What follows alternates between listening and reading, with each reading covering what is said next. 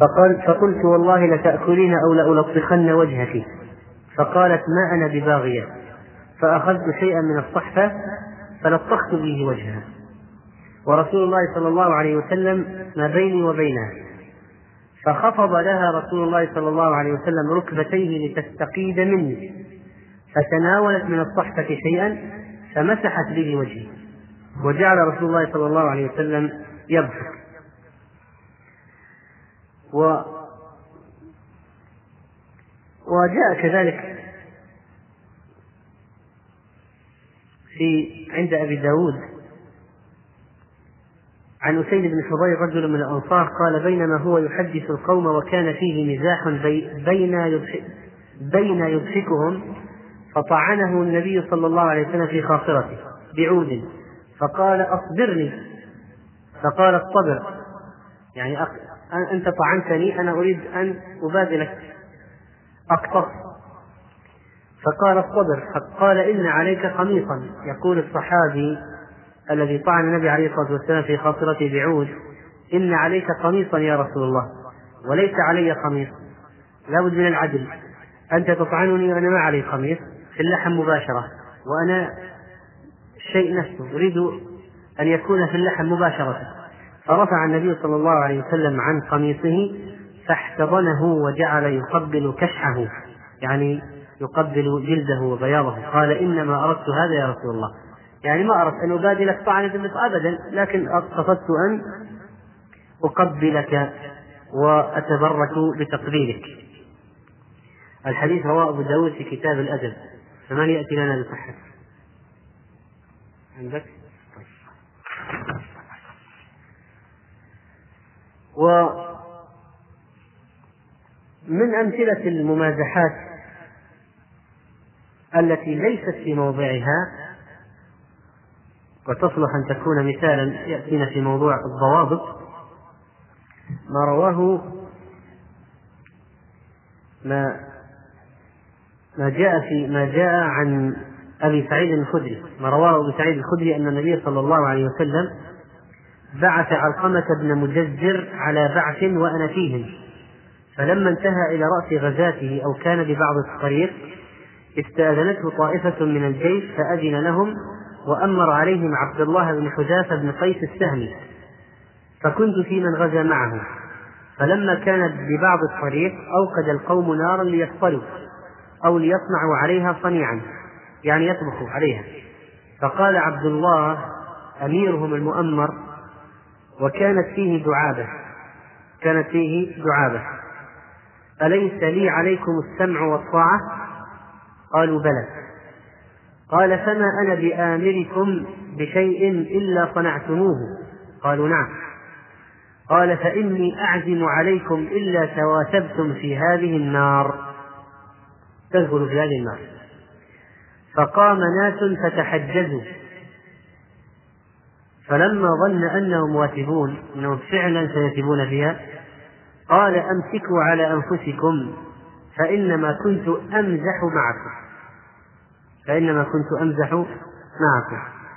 فلما قدمنا يعني عن النبي صلى الله عليه وسلم ذكروا ذلك للنبي عليه الصلاة والسلام فقال رسول الله صلى الله عليه وسلم من أمركم منهم بمعصية الله فلا تطيعوه. الأمير إذا أمر بمعصية الله فلا تطيعوه. أنتم تريدون الهرب من النار فكيف تقعون فيها؟ طيب من يأتي لنا في صحة هذا الحديث؟ هذا الحديث موجود في أحد الكتب الأربعة. أبو داود أو الترمذي أو النسائي أو ابن ماجه. تأتي بصحته. أن عبد الله بن حذافة أمرهم أن يقعوا في النار مزاحا معهم. طيب. وهذا حديث آخر رواه ابن ماجه. ونكفيكم مؤونة صحته. فالحديث فيه ضعف لأن في إسناده زمعة بن صالح متكلم فيه. خرج أبو بكر في تجارة إلى بصرى قبل موت النبي صلى الله عليه وسلم بعام ومعه نعيمان وسويبط بن حرملة. وسويبط بن حرملة. وكان شهد بدرا وكان نعيمان نعيمان على الزاد وكان ثويبط رجلا مزاحا.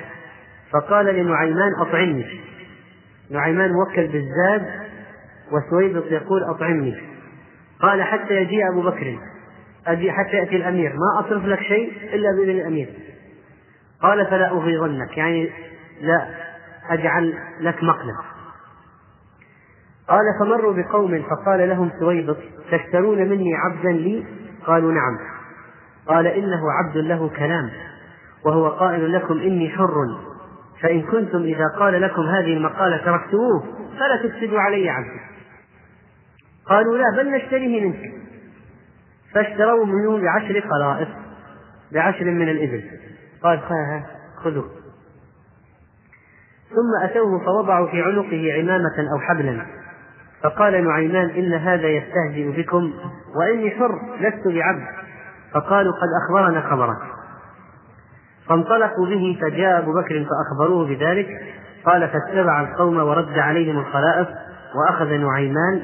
قال فلما قدموا على النبي صلى الله عليه وسلم وأخبروه قال فضحك النبي صلى الله عليه وسلم وأصحابه منه حولا. يعني كلما تذكروا هذه القصة. لكن هذه القصة كما عرفنا في إسنادها زمعة بن صالح وقد روى ابن ماجه بإسنادين مدارهما على هذا الرجل وهو زمعة بن صالح. وعن عائشة أنها ذكر عندها ما يقطع الصلاة الكلب والحمار والمرأة. فقالت عائشة قد شبهتمونا بالحمير والكلاب. والله لقد رأيت رسول الله صلى الله عليه وسلم يصلي وإني على السرير بينه وبين القبلة مضطجعة. طبعا هذا يحمل على أنه لم يثبت عندها الحديث وثبت عندها بأم عينيها أن النبي عليه الصلاة والسلام صلى وهي أمامه معترضة اعتراض الجنازة الجنازة ولذلك لم تقبل بذلك الكلام. طبعا هذا قياس مع النص بعضهم قال وفرقوا بين مرور المرأة وبين أن تكون أصلا موجودة أمام الرجل. فقالوا إذا كانت موجودة أصلا لا تقطع الصلاة. لكن إذا مرت قطعت. جاء في بعض الروايات الحديث قالت عائشة ما يقطع الصلاة؟ قال فقلنا المرأة والحمار. فقالت إن المرأة لدابة سوء. لقد رأيتني لقد رأيتني بين يدي النبي صلى الله عليه وسلم معترضة كاعتراض الجنازة وهو يصلي. ومن ممازحات عائشة رضي الله عنها عن ابن أبي عتيق قالت تحدثت أنا والقاسم. الحديث هذا صحيح. يعني ابن محمد عند عائشة. حديثا وكان القاسم رجلا لحانة وكان لأم ولد. القاسم هذا ولد امرأة أعجمية. في فرق بين أن يكون ابن أم ولد وبين أن يكون ابن حرة. ابن أم ولد أم الولد يعني الأمة. الأمة هذه أعجمية. انتقلت انتقل شيء من عجمة المرأة هذه إلى ولدها. فصار في لحن في الكلام. يخطئ يلحن في الكلام. ينصب المرفوع. يرفع المكسور مجرور وهكذا. وكان القاسم رجلا لحانة وكان لأم ولد. فقالت له عائشة ما لك لا تحدث كما يتحدث ابن أخي هذا؟ تعني ابن أبي عتيق لأن أمه كانت عربية. وهذا يدل على أن الأم لها تأثير في لسان الولد في عجمته أو صحته واستقامته. ما لك لا تحدث كما يتحدث ابن أخي هذا تعني ابن أبي عتيق. أما إني قد علمت من أين أتيت هذا أدبته أمه وأنت أدبتك أمك. فكل واحد أخذ من مما علمته أمه. قال فغضب القاسم وأضب عليها. فلما رأى مائدة عائشة قد أتي بها قام يعني كأنه وجد في نفسه.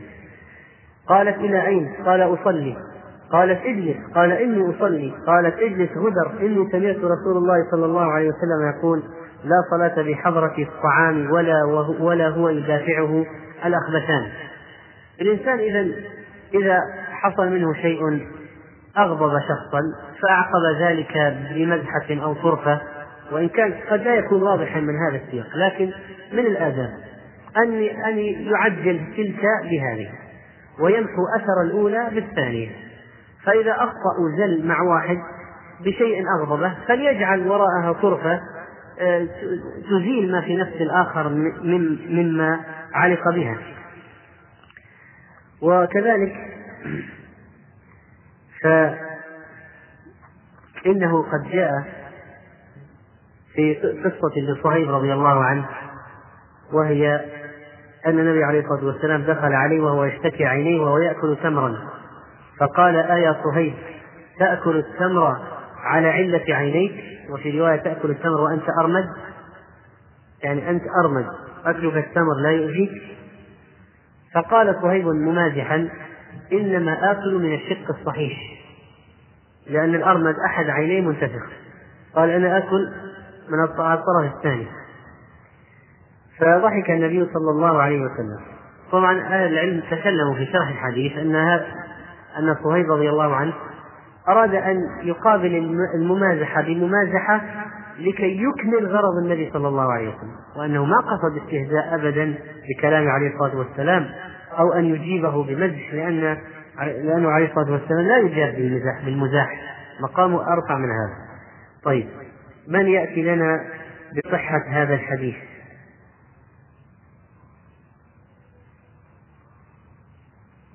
رواه ابن ماجه. الحاكم. تأتي بصحته طيب. ومما ورد في مزاح أصحاب النبي عليه الصلاة والسلام ما رواه البخاري عن بكر بن عبد الله المزني كان أصحاب رسول الله صلى الله عليه وسلم يتبادحون بالبطيخ. يتبادحون بالبطيخ. فإذا كانت الحقائق كانوا هم الرجال. كانوا هم الرجال. وهذا حديث صحيح رواه البخاري في الأدب المفرد.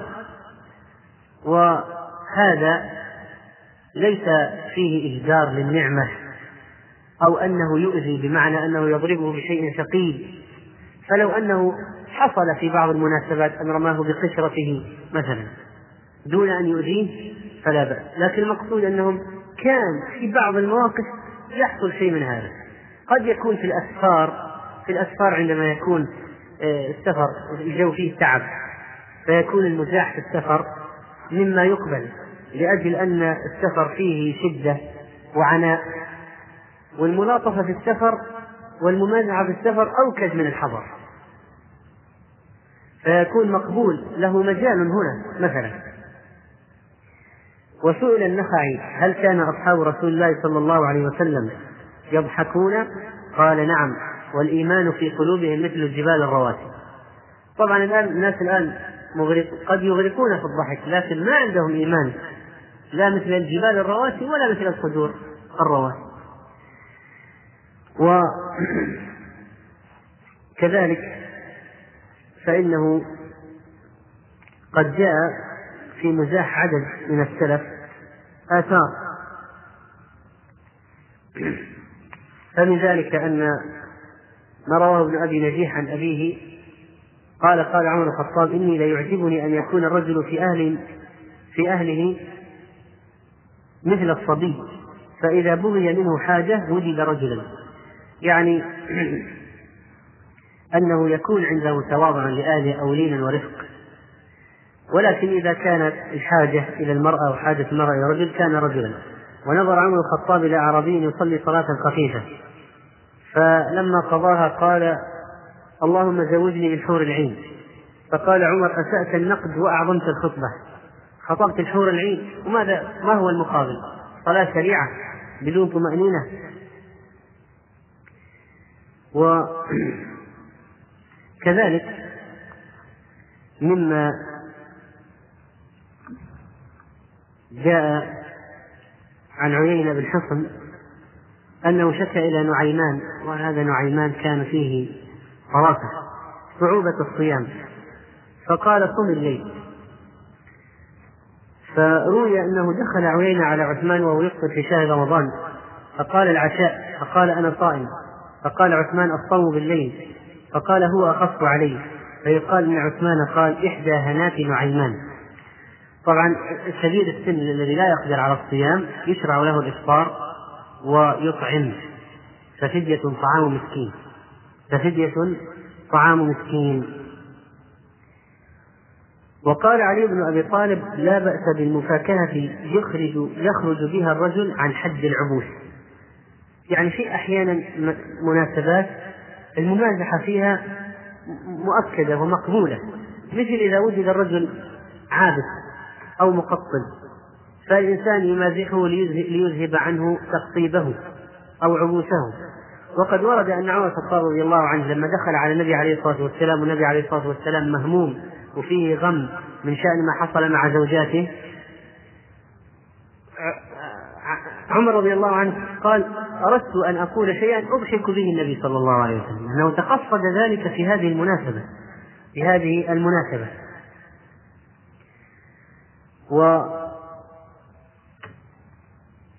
وكذلك روي أن علي رضي الله عنه جاءه رجل يشكو لي يقول إني احتلمت على أمي. يعني احتلمت في الليل أو إني رأيت أني أزني بأمي. فقال أقيموه في الشمس واضربوا ظله حد الزنا حد الزنا. أقيموه في الشمس واضربوا ظله الحد. فهو كما كأنه يقول أنا مهموم حصلت لي مصيبة رأيت في المنام أني وقعت على أمي. مصيبة ماذا أفعل؟ ما هو الحكم الآن؟ وعلي معروف بالقضاء رضي الله عنه. قال اجلدوا ظله. أقيموه في الشمس واجلدوا ظله. و روى الأعمش عن أبي وائل أنه قال مضيت مع صاحب لي نزور سلمان. فقدم إلينا خبز شعير وملحا جنيشا فقال صاحبي لو كان في هذا الملح سعتر وهو الزعتر المعروف كان أطيب. لو كان معه زعتر الضيف يقترح على صاحب البيت يقول لو تجيب لنا زعتر. فأح فأحضره. لكن ما درى ما تجشم من إحضاره.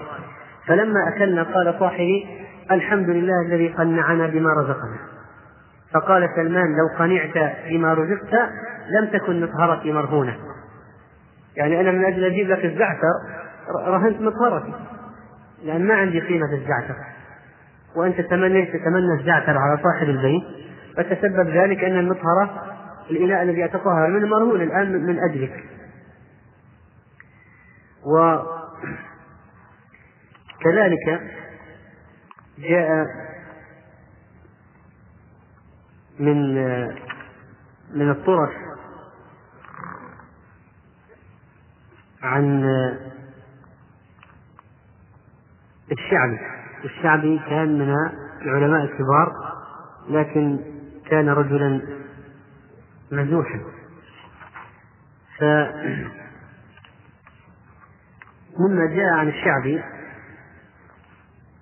أنه سئل عن المسح على اللحية فقال خللها بأصابعك. قال أخاف ألا تبلها. بعض العلماء المفتين قد يمزح مع الإفتاء المزحة لكن لها معنى ومغزى وليست فقط للضحك. قال هذا كيف المسح على اللحية؟ قال خللها بأصابعك. هذه السنة. قال أخاف أن لا تبلها. هذا تنقع هذا سوء جواب. كيف يقول له خللها يقول أخاف أن لا تبلها؟ قال الشعبي إن خفت فانقعها من أول الليل. وسأله آخر هل يجوز للمحرم أن يحك بدنه؟ قال نعم. قال مقدار كم؟ هذا أيضا تنصح من السائل حك خلاص. يعني هو سألك يحك؟ يجوز حك البدن المحرم؟ قال نعم. قال مقدار كم؟ قال حتى يبدو العظم وروى لهم حديثا تسحروا ولو بأن يضع أحدكم إصبعه على التراب ثم يضعها في فيه. فقال رجل أي الأصابع؟ فتناول الشعبي إبهام رجله وقال هذه. وقال رجل ما اسم امرأة إبليس؟ سأل رجل الشعبي قال ذاك نكاح ما شهدناه. وروي أن خياطا مر بالشعبي وهو مع امرأة في المسجد. فقال أيكم الشعبي؟ يعني هذا مغفل للدرجة هذه لا يعرف الشعبي فأشار إليه هذه عن هذه.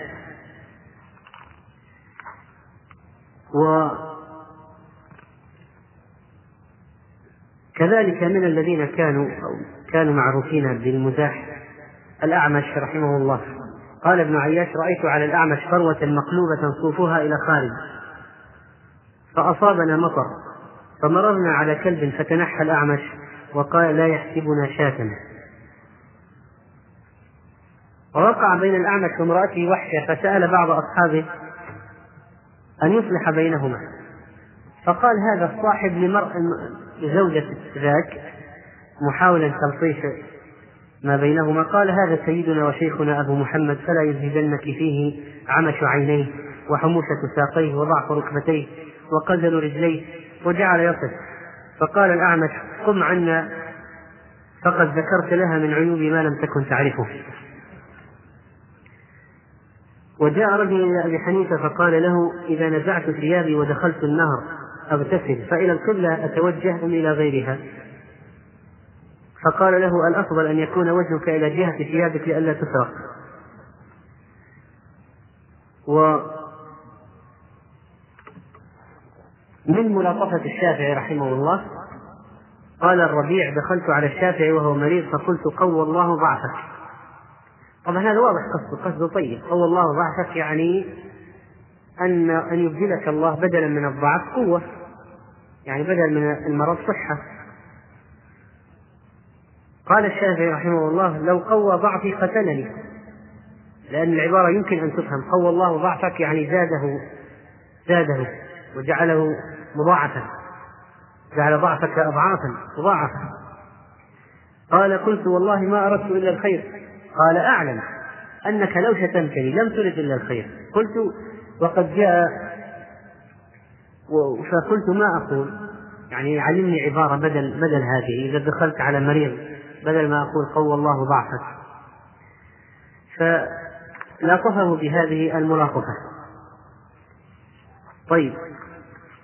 وقال عثمان الصيدلاني شهدت إبراهيم الحربي وقد أتاه حائك في يوم عيد. فقال يا أبا إسحاق ما تقول في رجل صلى صلاة العيد ولم يشتري ناطسا ما الذي يجب عليه الناطس نوع من الحلوى يجعل من السكر ويدهم به بعض المعجنات أو الأشياء التي تصنع من العجين. هذا الناطس فانظر إلى يعني سذاجة هذا الخياط. يقول يسأل الشيخ. هذا مثل بعض الناس. يلحق بالعالم وفي صلاة العيد. قال له ماذا تقول؟ ما حكم الآن؟ واحد. عمل عمل. سوى شيء وقع في أمر عظيم. صلى صلاة العيد ولم يشتري ناطفا. اللي هو اللي يستعملونه في العيد الحلويات. فتبسم إبراهيم ثم قال يتصدق بدرهمين فلما مضى قال ما علينا أن نفرح المساكين من مال هذا الأحمق الذي يعني الذي يسأل مثل هذا السؤال. و هناك كثير من القصص التي وردت عن السلف في مسألة المزاح وحسبنا منها ما ذكرنا. ولكن لا أن نمر الآن في ختام هذا الدرس. على ضوابط المزاح. ونستعرضها بسرعة. أولا أعطونا واحد واحد. أعطونا ضوابط المزاح. أن لا يكون فيه كذب. حرام الكذب حرام الكذب في المزاح. تمزح ولكن تقول حق. رواية حادثة صحيحة. فيها فيها طرفة تذكرها. أما أن تختلف الأشياء لإضحاك الناس فلا. ثانيا أن لا يكون في غيبة. ثالثا أن لا يكون فيها قذف. رابعا أن يكون في الوقت المناسب. ما هو في مثلا وقت الوعظ أو مثلا تذكير بالموت أو جلسة علم وجد ويجي واحد في منتصف هذا الجو العلمي أو الوعظي ويلقي بطرفة. فهذا من أسوأ ما يمكن أن يحدث في مجالس العلم. طيب كم الآن؟ خامسا. عدم عدم الانهماك والاسترسال والمبالغة والإطالة طيب سادسا عدم ترويح أحسنت ما يأتي واحد يخطف مفتاح سيارة واحد ولا يسرق ولا يأخذها ولا يأخذ له شيئا ثمينا وهذا يتلوى عليه ويتروع ويخاف ويذهب ربما بلغ الشرطة ثم يقول له في الأخير هذا يأتي به يقول كنت أمزح. فهذا لا يكون بحال. سابعا عدم الإضرار به يمكن أن يدخل في الذي قبله. طيب. أن لا يكون فيه فحش. لا يكون فيه فحش. أحسنت. بعض النكت اللي يسمونها العوام نكت هي عبارة عن قلة حياء وقلة أدب وبذاءة. بذاءة. بذاءة في الكلام. وقبيح وقبيحة وكثيرة جدا هذه. كثيرة منتشرة للناس في المجالس. كل الطرق التي يأتون بها متعلقة بالعورات المغلظة هذا صحيح. وربما بلغت البذاءة ببعضهم أن يأتيك بطرفة فيما يتعلق في جماع الرجل بزوجته. يتعلق بمثل هذه الأشياء. في إتيان الرجل أهله وما يكون بينهما من الأشياء يأتي بها. ولا شك أن هذا لا يحب الله الجار بالسوء من القول. ما كان النبي صلى الله عليه وسلم فاحشا ولا متفحشا طيب. ثامنا. أن لا يكون فيها استهزاء بشيء من الدين كاستهزاء بالكتاب العزيز أو ب أحاديث النبي صلى الله عليه وسلم أو بالملائكة. في بعض النكت مذكور فيها استهزاء بالملائكة أو الجنة والنار أو عذاب القبر. هذه كثيرة وتمشي بين الناس. يأتي لك بطرفة أو نكتة يقول عندي نكتة طرفة ثم يأتي بشيء فيه ذكر لأشياء من العقيدة أو من اليوم الآخر يجعله في هيئة طرفة ونكتة طيب غيره. أن لا يكون مع السفهاء لأنه إذا مازح السفهاء ردوا عليه بسفاهة فأضر ذلك بشخصيته. طيب تاسعا. ذكرنا. أن يراعي شعور الآخر مشاعر الآخر لأنه قد يأتي بمزحلة تجرح الشعور الذي أمامه. ويجب على الإنسان أن يكون مؤدبا أديبا يراعي مشاعر الخلق. وإذا أراد أن يمازح ما ما يزعجه ولا يجعله يغضب منه.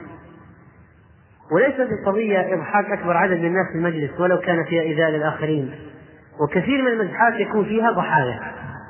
كثير من المزحات فيها ضحايا. يعني صح ضحك المجموع لكن صار بينك وبين الذي مزحت به أو كما يقول كما كما هو في لغة العرب تطنزت به الطنز معروف في لغة العرب. هذا موجود في كثير من نكات وطرائف الناس وربما قام من المجلس وربما خاصمهم وهجرهم أو ما كلمه من أجل أنه جعل منه أضحوكة في المجلس. وهذا كثير يقع يجعل منه أضحوكة في المجلس. وهذا لا شك أنه إيذاء للمؤمنين وإيذاء المؤمنين حرام. وسخرية لا يسخر قوم من قوم عسى يكونوا خيرا منهم. وبعض الناس متخصص في هذه القضية عنده تخصص سبحان الله في مسألة كيف يجعل من الآخرين ضحوكا كيف يهزأ بهم في المجلس كيف يجعل الآخرين يتنذرون بهم؟ كيف يجعلهم مضحكة الناس؟ وهذا حرام لا يجوز. وكذلك أيضا من ضوابط المزاح قلنا عدم الإكثار والاسترسال ذكرنا نعم. هو هذا الحد هذا الذي نتكلم فيه عن الحد حد الأشياء. أن لا يكون قذفا ذكر أن لا يمازح لا يمزح مع الكبير والعالم لا بما لا يليق. لا يليق بمقامه أن تمازحه أو تأتي بها في هذا الوقت أو في هذا المجال. لا يعني يمكن واحد يمازح صديقه صاحبه قرينه لكن قد لا يناسب أنه يمزح مع كبير في السن في المجلس مزحة تذهب كأنك لا تحترمه ولا توقره. مزحة تنبئ عن عدم توقيرك له. وغير هذا؟ نعم. نعم. أن لا يكون فيه إغراق في الضحك أو يؤدي إلى الإغراق في الضحك. كل مزاح النبي عليه الصلاة والسلام هذا الذي مر معنا ما في شيء فيه إغراق في الضحك أو الإنسان ينقلب على قفاه أو على عقبيه وهو يضحك. مزاح معتدل. نعم. أن لا أن لا نعم أن لا يضر بشخصه بين الناس. فيكون هو مضحكة أو هو المهرج هو مهرج القوم. حتى إذا أراد أحد أن يوسع كما يقولون صدره يأتي إلى هذا المهرج. يقول أنت إيش آخر شيء عندك؟ أعطينا موقف. وكثير من المقابلات أحيانا المقابلات الجادة مع بعض المشايخ. تحصل فيه سؤال. ما هو موقف طريف مر بك؟ أطرف موقف مر بك؟ أوقف أطرف. هي لابد أنهم يجعلوا المسألة فيها ضحك وإلا ما تكون هذه مقابلة ولا تكون فائدة إلا بأطرف موقف وأضحك موقف. نعم. طيب. إذا نكتفي بهذا القدر ونسأل الله سبحانه وتعالى أن يؤدبنا بآداب شريعته.